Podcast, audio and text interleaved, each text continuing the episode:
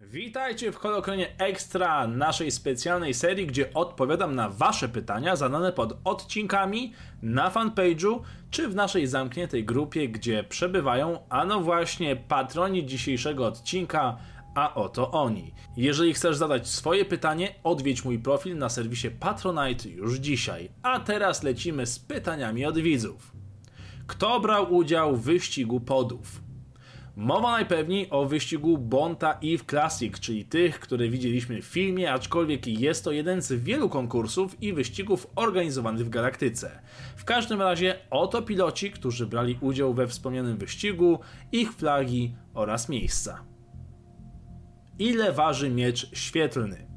Może pytanie wydawać się dość głupkowate, ale mimo wszystko książki i czasami komiksy zwracają na to uwagę, bowiem rękojeść miecza świetlnego, przynajmniej przeciętnego, jest znacznie większa niż się wydaje po wyglądzie i wynosi około od 1 do 2 kg.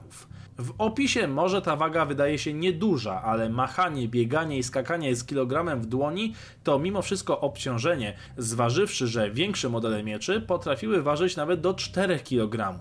Podręczniki do gier RPG piszą, że przeciętna waga rękojeści to około 1,5 kg. Ile legionów w sumie było w Republice czy też Imperium? Zacznijmy od tego, że sama formacja Legionu nie była standardową formacją wojskową w Republice, która dzieliła armię raczej na dywizje oraz grupy bojowe. Po wprowadzeniu armii klonów legiony zaczęły odgrywać znaczącą rolę, ale ich dokładna ilość nie jest nigdzie podana, podobnie zresztą jak dokładna liczba żołnierzy, która znajdowała się w jednym legionie. Według podręcznika Imperial Handbook a Commander's Guide liczba osób w Legionie wahała się między 8192 jednostkami a 12 800 jednostkami.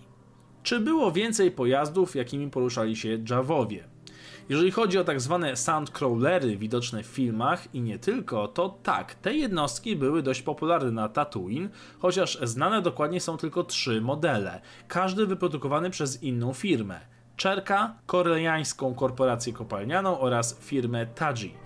Najpopularniejszy to ten wyprodukowany na Koreli, napędzany antycznymi silnikami jądrowymi model Kala. Ile kryształów miała broń Darth Maula? Mimo, że Sith posługiwał się w teorii lancą na wzór tej, którą opatentował Exar Kun, jego wersja była w rzeczywistości połączeniem dwóch mieczy świetlnych zdolnych po prostu łączyć się w jedną podwójną rękojeść. Nie miały wspólnego systemu zasilania i każda rękojeść posiadała swój syntetyczny kryształ, przynajmniej według legend. Czyli w sumie kryształy były dwa. Czy na Kamino wyprodukowano inne armie? Żadne źródła w legendach czy w nowym kanonie nie podają informacji na temat innych armii produkowanych na Kamino. Aczkolwiek w książce Darth Plagueis wspomina się o tym, że klonerzy z Kamino nie mają doświadczenia w produkowaniu armii żołnierzy, ale raczej robotników czy zwierząt. Armia dla Republiki będzie ich pierwszą wersją z przeznaczeniem militarnym. Z książki wynika również, że produkcja agresywnych, bitewnych jednostek, jednocześnie niezwykle podatnych na rozkazy, była bardzo trudna oraz że potrzebowali oni osoby z zewnątrz do wprowadzenia odpowiedniego treningu wojskowego. Tak więc najpewniej na Kamino produkowano wcześniej armię robotników, zwierząt hodowlanych i tym podobnych. Ile jest wymarłych ras? Na oficjalnej stronie Wikipedii możecie zobaczyć i przeczytać, że w sumie jest to 70 wymarłych ras. Jak na galaktykę tej wielkości i jej historię, nie jest to duża liczba, ale mówimy w większości o rasach wysoko rozwiniętych, niekiedy budujących całe imperia, czy mających nadzwyczajne zdolności. Warto zajrzeć pod link, który zamieściłem w opisie odcinka. Kiedy zmarła Mon Mothma? W kanonie Mon Mothma póki co ma się dobrze, przynajmniej z tego co wiem, aczkolwiek w legendach jej żywot dobiegł końca w 24 roku po bitwie o Yavin, na niedługo przed inwazją Yuzhan Wong na planecie Chandrila. Ostatnie lata spędziła ciesząc się emeryturą, zmarła zaś we śnie. Jeden z niszczycieli klasy Imperial w służbie Republiki został nazwany jej imieniem. Kiedy urodził się Paul Dameron? Nowokanoniczna postać swój żywot rozpoczęła na dwa lata przed bitwą o Endor, czyli dwa lata po roku zerowym. Był synem Shary Bey oraz Kesa Damerona, którzy służyli w służbie sojuszu dla przywrócenia Republiki.